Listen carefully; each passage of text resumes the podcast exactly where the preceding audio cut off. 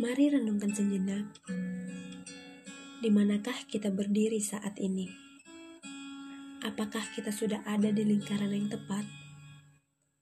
Sudahkah kita berada di lingkungan yang membuat kita menjadi orang yang lebih baik? Atau malah kita sedang ada di lingkungan yang sedang menjerumuskan kita? Bijaklah dalam bergaul. Bukan berarti kita menjadi eksklusif dan pilih-pilih teman. Kita bisa berteman dengan siapa saja, tetapi perhatikan dengan siapa kita bergaul erat.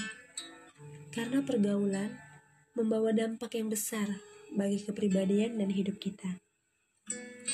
Saat ini si jahat sedang gencar mengincar anak-anak muda dengan segala tipu muslihatnya.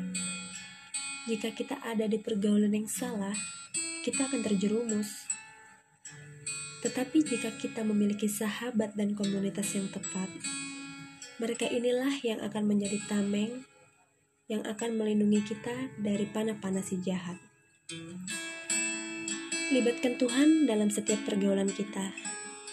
Ketika kita bergaul dengan orang-orang yang tepat dan kita melibatkan Tuhan di dalamnya, maka pergaulan kita akan membawa dampak bagi diri kita sendiri maupun bagi orang lain. Ayo, temukan sahabatmu, temukan komunitasmu. God bless you all.